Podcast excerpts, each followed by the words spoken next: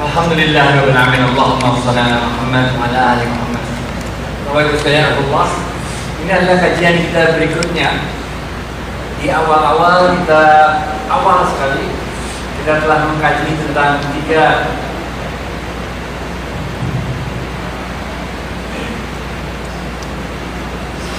Di awal-awal sekali kita telah mengkaji tentang tiga kelompok ilmu di dalam Islam. Masih ingat?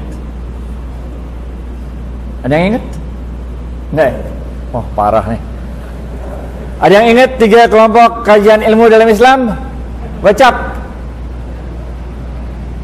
Ih, nggak ada yang ingat deh. Iya. Wacap. Wacap mas. Ente bagus nih, ente benar-benar keren nih. Kita awal-awal sekali telah bicara tentang akidah syariah akhlak, benar gak? Kemarin yang terakhir kita di sini, kita udah sampai bab syariah level muamalat, ngerti gak? Ngerti gak? Ya udah, udah bener gak? Kemarin akidah udah selesai kita bahas kemarin. Syariah udah selesai, ada fikih. Fikih dibagi dua. Ada yang ingat fikih dibagi dua? Apa fikih apa sama fikih apa? Gocap. Gocap. Baru kalau gini kita seneng ngajar, bener gak? Yang paling sebel kita kalau ngajar udah udahlah panitianya masjid yang otot saya suruh ngajar terus. Kalau ente kagak masuk ke otak kita kan gak seru, oke? Okay? Jadi fikih dibagi jadi dua, bener gak? Akidah kita udah bicara kan? Akidah isinya cuma iman, iman, iman, apa lagi? Hei, akidah isinya apa? Iman, murtad apa lagi kok akhlak kafir musyrik. Benar gak munafik benar gak di level syariah kita ngomongnya tentang haram halal wajib sunnah benar gak benar gak nah di kelompok ini kemarin kita udah bahas nih ada dua level. Ada syariah syariah apa yang tahu bedanya syariah sama fikih? Gocap. Ada yang tahu bedanya syariah sama fikih? Ya parah nih. Syariah sama fikih bedanya? Syariah adalah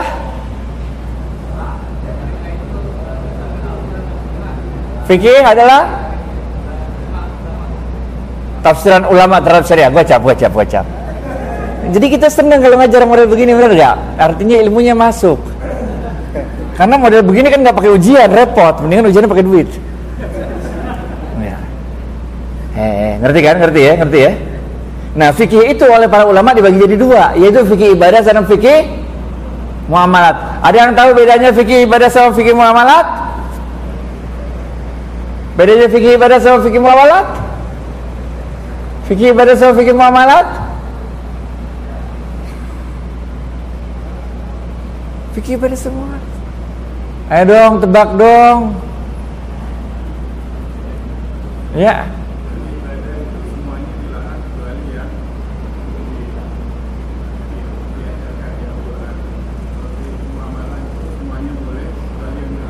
Gocap buat ente. Dalam fikih ibadah ilmunya Al-aslu fil ibadah At-tahrim. Semuanya haram Kecuali yang dibolehkan. Sedangkan dalam fikih muamalat Al-aslu fil ibadah Al-muamalah Al-ibahah. Semuanya halal Semuanya boleh kecuali yang dilarang Oke? Okay? Nah dari situ kita kemarin udah bahas tuh. Sehingga kalau haram tuh ada dua tingkat. Ada haram syariah Ada haram fikih ingat ya kemarin kita bahas? Apa contohnya haram fikih kalau makanan makanan. Haram yang syariah apa ya makanan? Ada empat dalam Quran. Makanan. Yang haram apa? Babi khamar darah bangkai. Bener gak sekarang yang haram fikih makanan apa? Ya coba contohnya. Apa? Anjing. Anjing haram tapi haramnya haram? Fikih nggak ketemu di Quran haram. Anjing haram nggak ketemu nggak ada kalau di Quran. Yang ada mah anjing teman di Quran. Teman itu. Pemuda kahfi bener gak karena buat orang Arab anjing bukan makanan. Sama juga di Quran nggak ada haram hukumnya makan besi. Karena besi bukan makanan. Ngerti gak ngerti gak Belum ngerti ya? Susah ya? Belum ngerti ya? Agak ngerti gak? Jadi anjing halal apa haram? Yang di Quran haram apa aja cuman? Cuman ada empat main di Quran yang haram. Babi, khamar, bangkai, darah, iya ya? Lah anjing nggak ada, berarti anjing halal. Betul apa betul? Hah? Anjing haram, haram anjing buat orang Arab itu bukan makanan. Sama kayak besi, besi bukan makanan. Makanya di Quran nggak ada haram hukumnya bagi kalian makan besi, nggak ada. Sama juga di Quran nggak ada haram hukumnya bagi kalian minum racun. Nah, karena racun bukan makanan, babnya bab bunuh diri kalau itu bener gak? Ngerti gak? Ngerti gak? Ngerti ya? Oke? Kita mau level yang lebih tinggi dikit bener gak? Minggu lalu yang terakhir, yang terakhir kita udah masuk bab yang agak susah dikit. Itu kan bab halal haram, halal haram bener gak? Halal haram ada dua tingkatan, syariah, fikih, syariah, fikih, ngerti gak? Ngerti gak? Minggu lalu nih terakhir kita udah masuk yang susah dikit bahwa dalam kenyataan hidup kita ini dari tadi kayak gitu bener gak? Dalam kenyataan hidup kita ini ternyata tidak hitam putih. Ternyata hidup itu bukan halal haram. Ternyata dalam hidup itu yang haram sedikit. Al halalun bayyinun wa haramun bayyinun wa bainahuma mutasyabihat. Ternyata dalam hidup itu tidak hitam putih. Hidup itu bukan neraka dan sorga. Kita buat dosa jarang, buat baik jarang juga. Yang sering kita lakuin dua-duanya, buat jelek, buat dosa. So, jadi minggu lalu kita udah masuk pada level yang lebih tinggi dikit yaitu level ketika di dalam kehidupan kita kita tidak dengan mudah memilih halal dan haram ngerti gak? bener gak? kalau KNT masih di pesantren masih di itu enak milihnya halal haram halal haram kalau masih di buku mah enak halal haram halal haram bener gak? tapi dalam kehidupan sehari-hari ternyata kehidupan kita itu tidak bisa tidak semudah yang ada di buku bukan halal haram halal haram gitu bukan. Nggak begitu. Dalam kenyataannya kadang-kadang yang halal nyampur sama yang haram ngerti gak ngerti gak berenang merupakan olahraga yang disunahkan Rasul gak berenang. Berenang. Mana mana sunnah gak sunnah. Naik kuda naik kuda. Oke oke. Sekarang. Berenang jadi sunnah Rasul dong. Iya gak iya gak iya gak tapi di kolam renang banyak yang pakai bikini Ah, ayo bagaimana? Bagaimana? Tetap laksanakan sunnah Rasul atau kita tinggalkan sunnah Rasul? Pening nggak? Pening nggak? Pening nggak? Ah, itu yang kita bicarain minggu lalu. Bahwa dalam kehidupan itu ternyata tidak semudah kita di buku. Ini halal, ini haram, ini halal, ini haram. Mana gede? Ngerti gak? Ente kerja halal apa halal? Halal, kerja halal, benar ya? Dalam ente melakukan pekerjaan ada yang haram-haramnya gak? Eh? Ada. Dokter kandungan. Pahalanya gede gak? Gede dong. Nolongin orang lahir, bener gak? Pahalanya gede kan? Dalam prakteknya, dalam dalam profesinya yang begitu mulia sebagai dokter dan menolong bayi lahir. Kadang-kadang bayinya nggak bisa lahir karena sungsang sehingga harus di harus di sesar. Baik dong baik dong. Pahalanya besar dong. Kalau enggak ibunya mati eh, anaknya mati bener gak bayi nggak bisa lahir eh, bener gak ditolongin sama dokter. Profesinya mulia dong. Nolongin dua nyawa dong ya. Ada yang haram nggak dilakuin ada yang haram nggak dilakuin apa yang haram?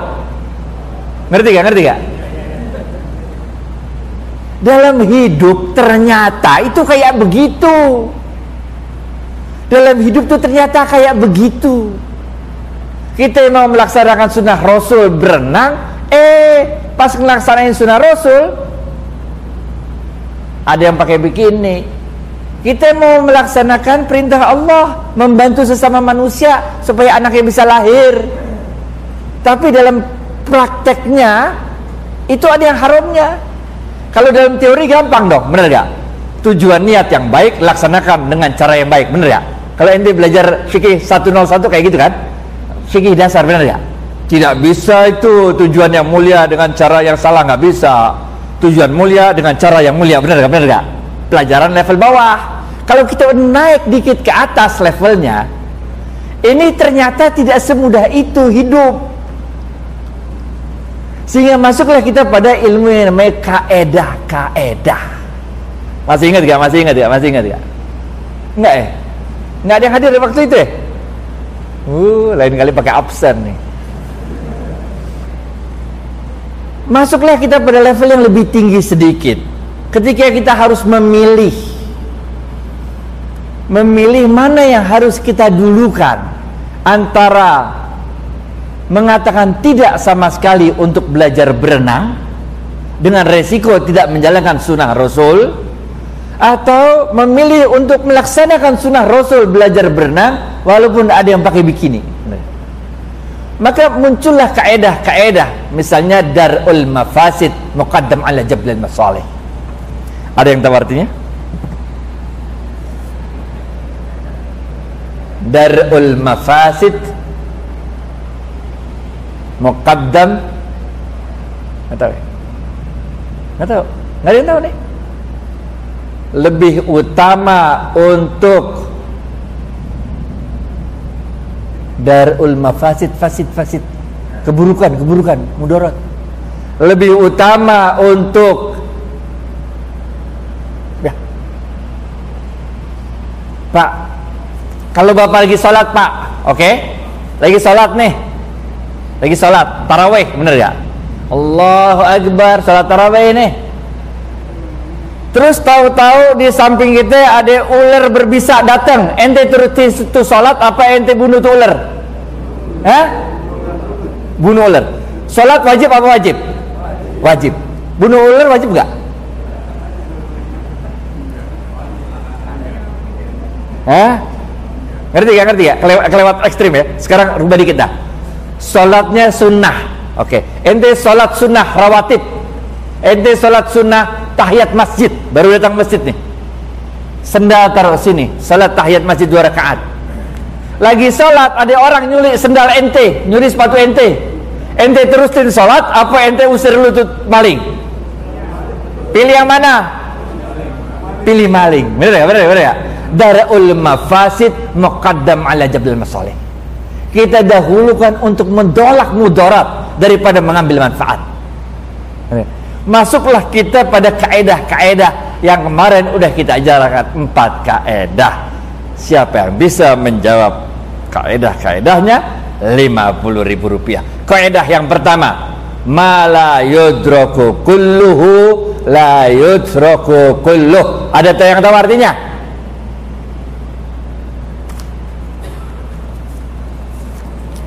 Cepet ma la yudraku kulluhu la yudraku kulluh. Wah parah nih cepet cepet. Ustaz apa cat? Cepet cat. Nambah-nambah nih bismillah bismillah Ustaz. Ma la yudraku kulluhu la yudraku kulluh.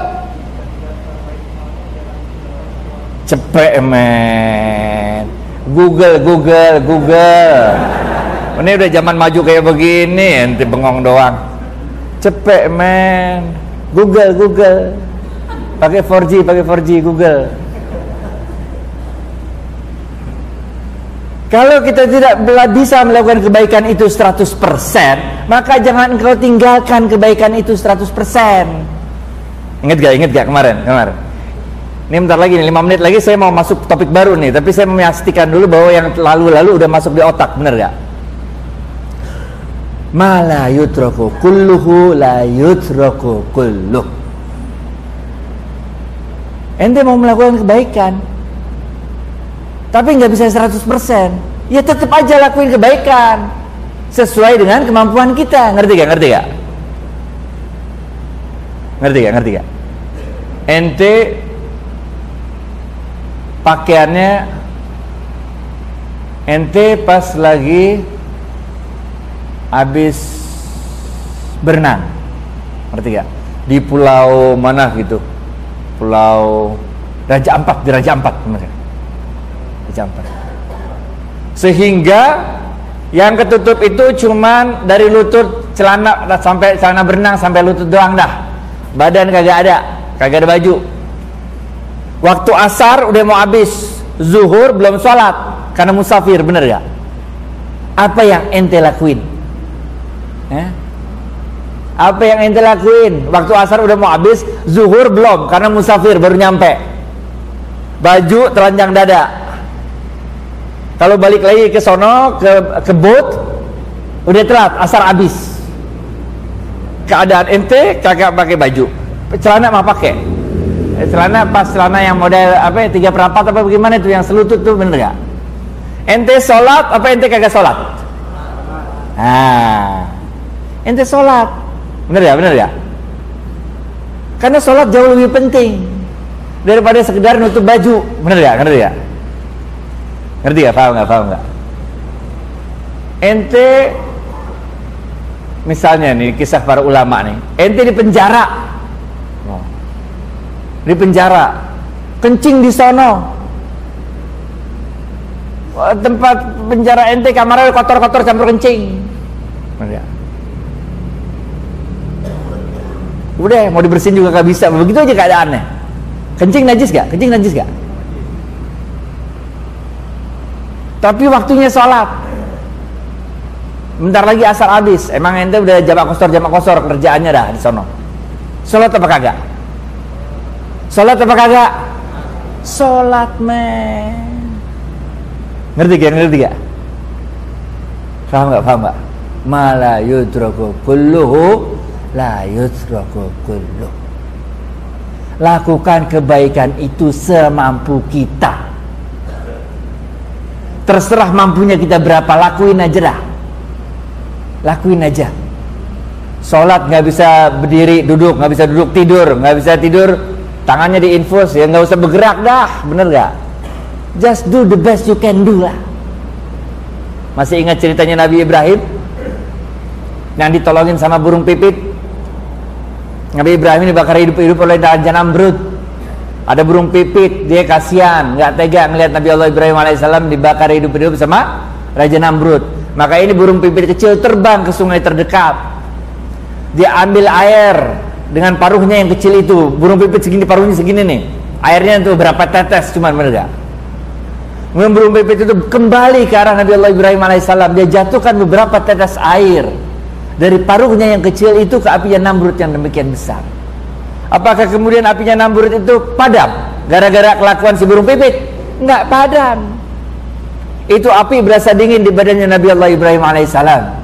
Maka malaikat yang penasaran melihat kelakuan si burung pipit dipanggil sama malaikat. Pipit sini pit kata malaikat. Set datang burung pipitnya. Eh pit kata malaikat. Eh, apa ente pikir? Dengan menjatuhkan beberapa tetes air dari paruhmu yang kecil itu ke api yang Namrud yang demikian besar, engkau dapat memadamkan api tersebut. Apa jawaban burung pipit? Burung pipit itu mengatakan wahai malaikat, what I know is to do my best. And that's the best thing I can do. Let Allah do his part. I have done my part.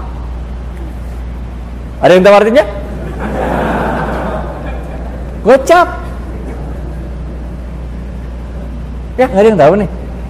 Gocap nih udah keluar gini mah nggak enak masuk lagi nih gocap. what I know is to do my best and that's the best thing I can do let Allah do his part I have done my part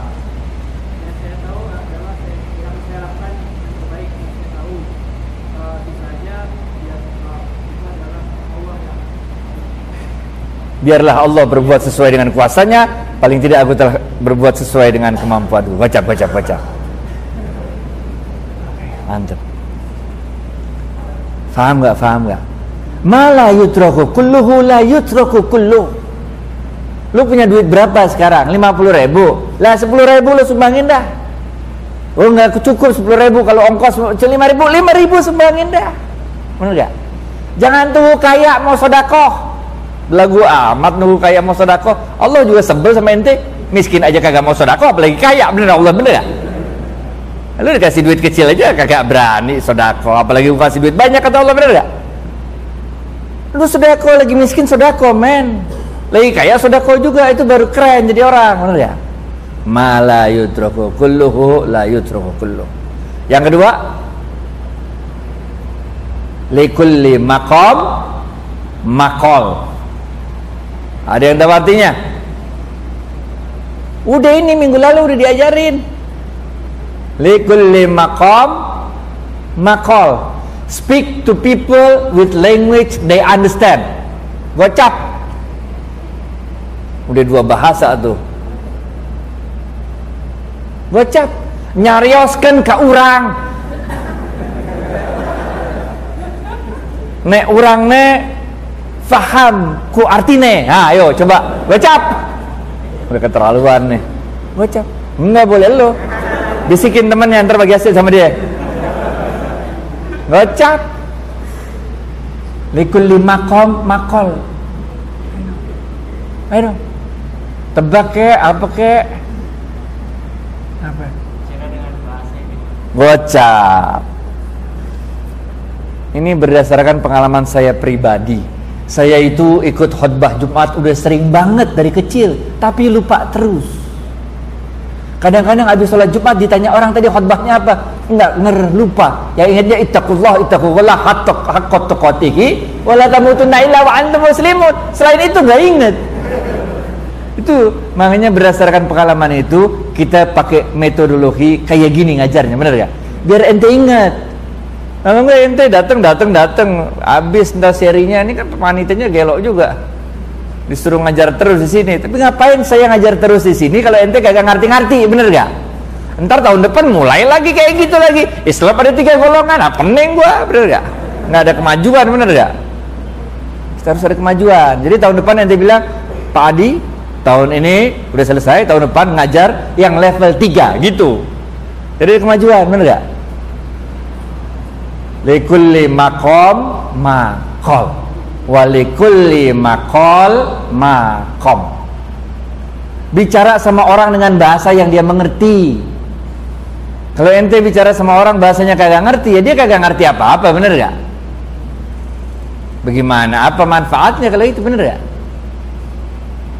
Kalau tibang tibang ngafalin ayat surat Quran mah ada burung beo yang bisa ngafalin? Burung beo ngerti ya nggak ngerti.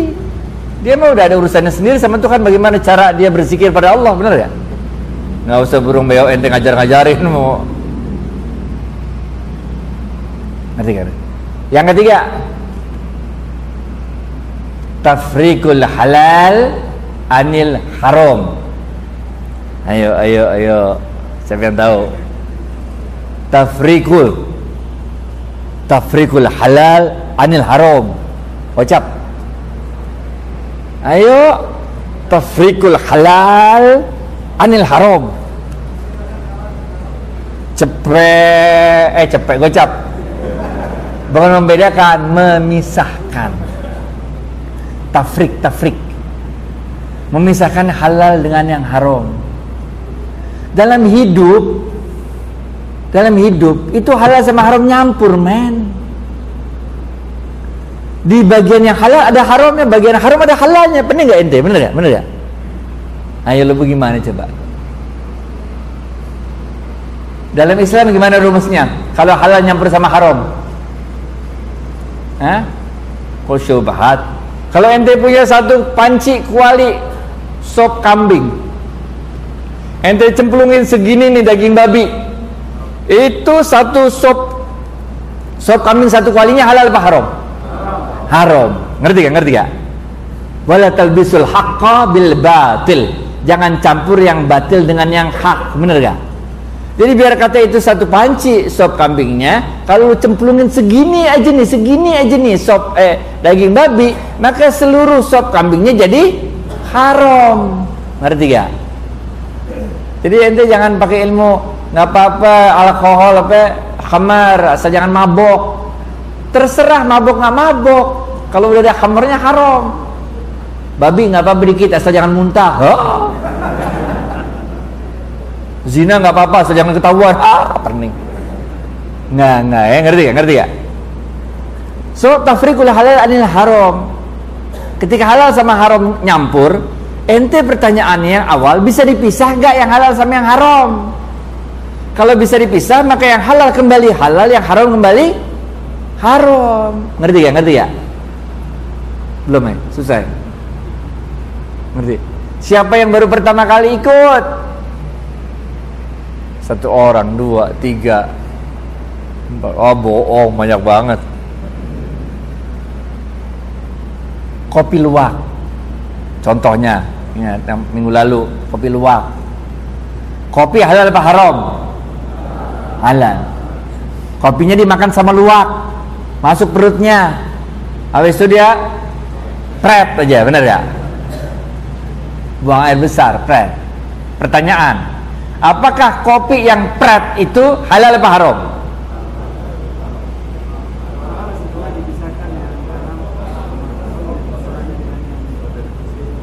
Nah, waktu yang ngajuin fatwa dulu datang ke MUI, dia nanya fatwa kopi luwak halal apa haram. Pertanyaan yang kita sampaikan ke mereka adalah apakah kopinya utuh atau hancur? Gitu.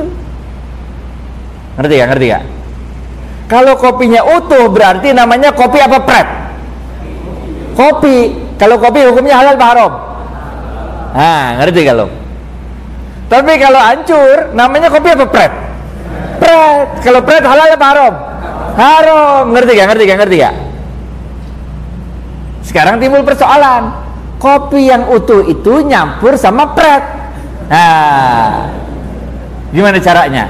Ya kita tanya lagi bisa dipisahin nggak antara kopi sama pret bisa katanya dicuci. Wah berarti kita melakukan tafrikul halal anil haram. Ngerti gak memisahkan yang halal dengan yang haram. Ngerti gak ngerti gak paham ya paham ya maka kopi luwak hukumnya jadi halal. Kita udah dak dikduk untung nanyanya kopi luwak bener gak kita khawatir dia nanyanya kopi babi. Nah kopi dimakan babi pret. Ha kita bingung. Nanti orang jualannya kopi babi bener ya kita bingung bener ya bagaimana bener ya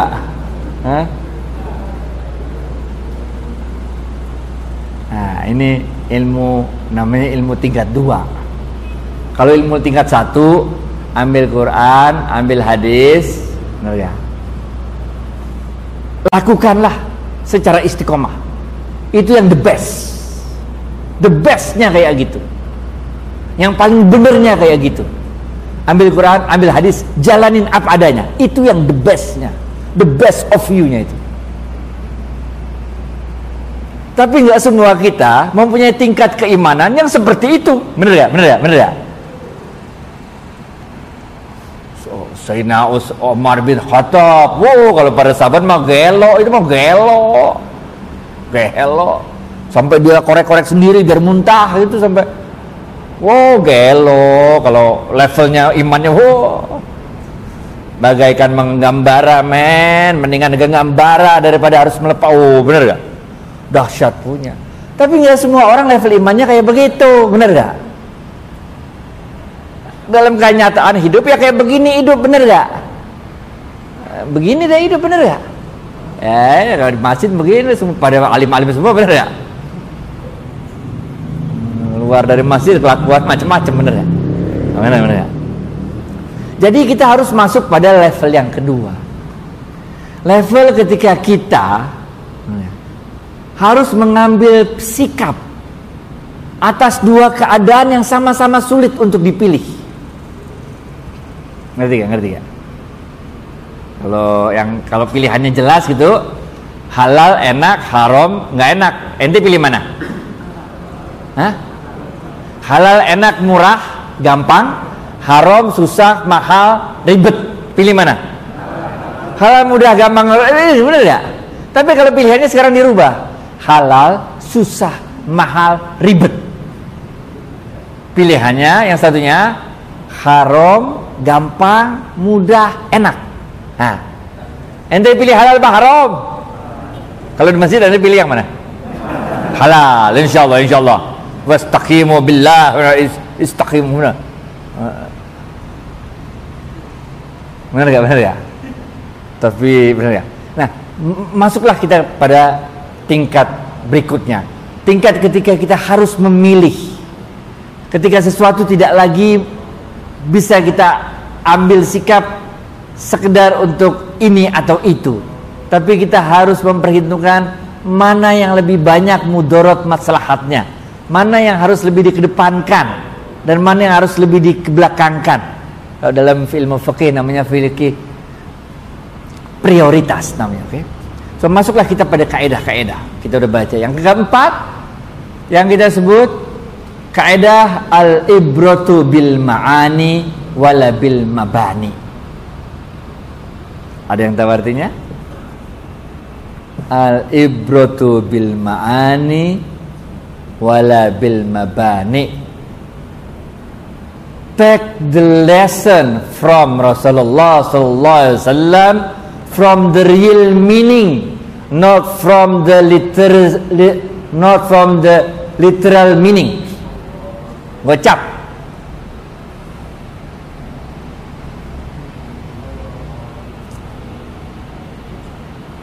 Ayo dong. Kasih contoh deh. Habis kasih contoh jawab ya. Iya ente. Panitia juga boleh sama aja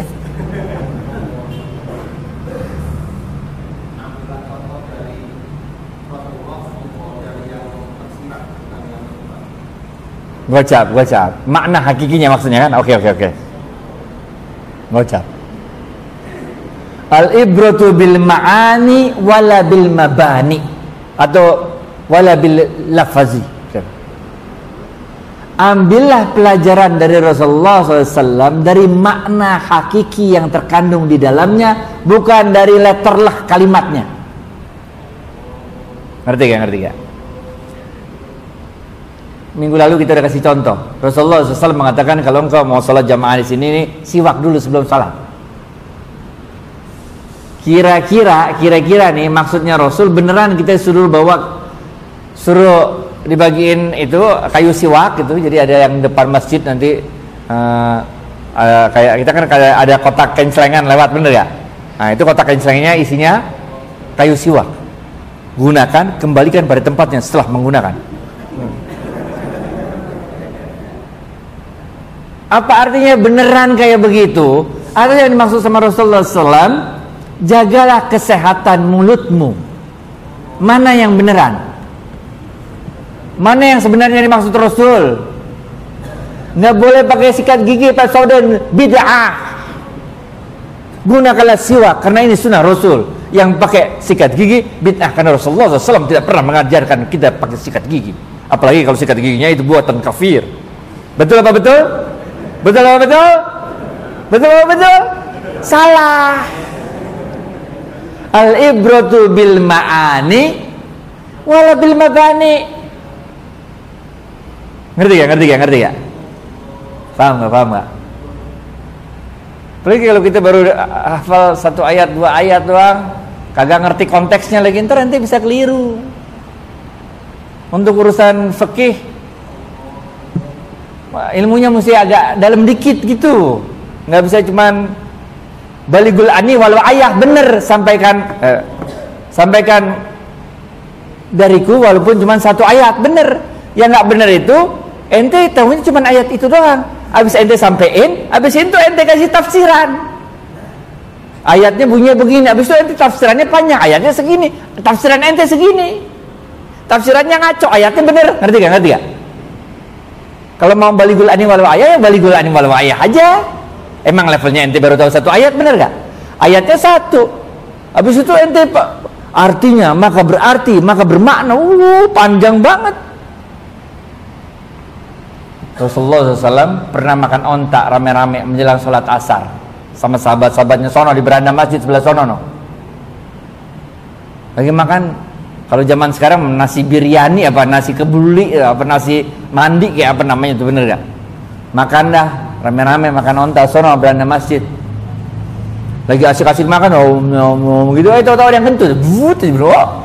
Bau lagi kentutnya. Oh, bau bau bau. Udah terganggu dah udah.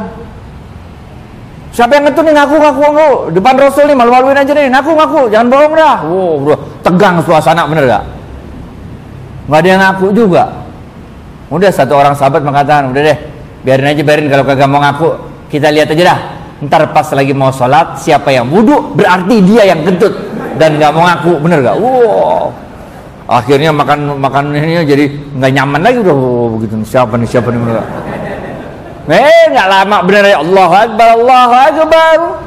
Allah Akbar Allah Akbar. Azan kan? Oh nah azan nih kita lihat kita lihat siapa yang berdiri siapa yang berdiri bener ya apa yang dikatakan Rasulullah SAW ada yang tahu apa yang dikatakan oleh Rasulullah SAW gocap buat ente ente kayaknya udah ngafalin banget langsung tahu. Iya iya iya gocap. Kayaknya ente udah ngafalin bener nih hadis yang ini. Rasul mengatakan yang tadi makan onta semuanya wudhu termasuk Rasul ikutan wudhu men. Sehingga nggak ketahuan siapa yang ngentut. Nih kalau ente baru belajar hadis yang ini doang nih maka ente bisa punya kesimpulan yang salah. Makan ontak membatalkan wudhu. Bener ya? Bener ya? Bener ya? Hadisnya bener kesimpulan ente yang salah. Ngerti gak? Ngerti gak? Baligul ani walau ayahnya bener. Tapi kesimpulan ente jadi salah karena hadisnya tentang akhlak tentang menutup aib saudara bukan hadis tentang batal wudhu ngerti gak? Ngerti gak? Ngerti gak? Ngerti gak?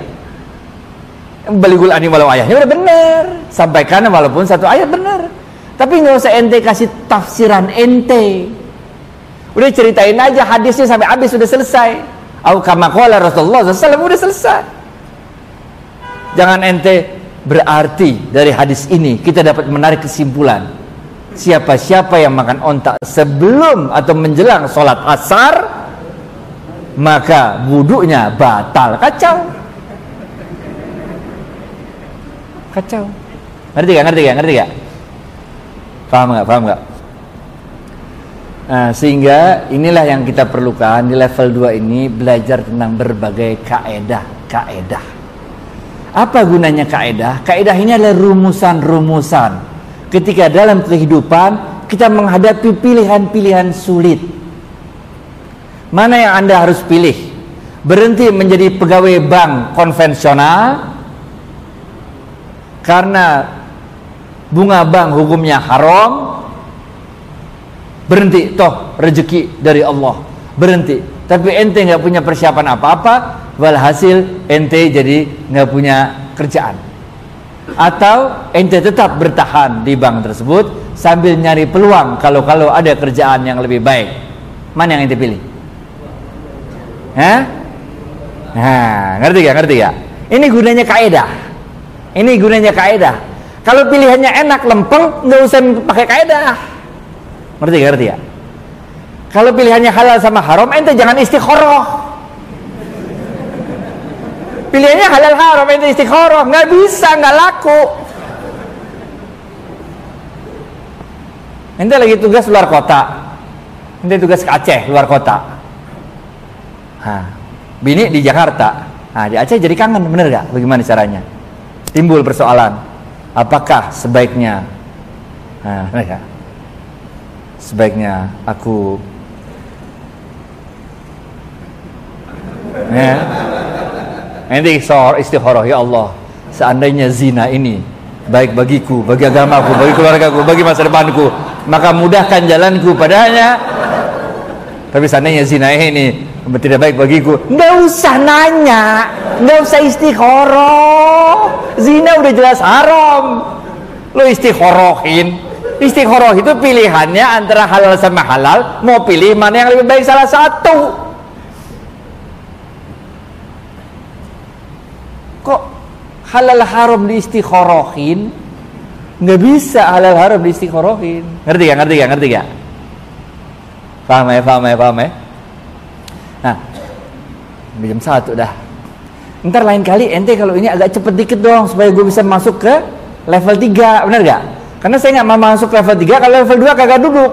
Karena makin lama makin susah men.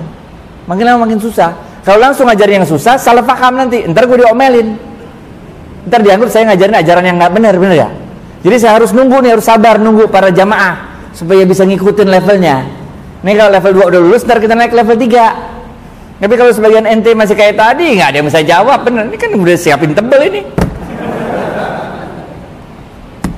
Udah siapin tebel, kagak bisa nebak bagaimana, bener gak?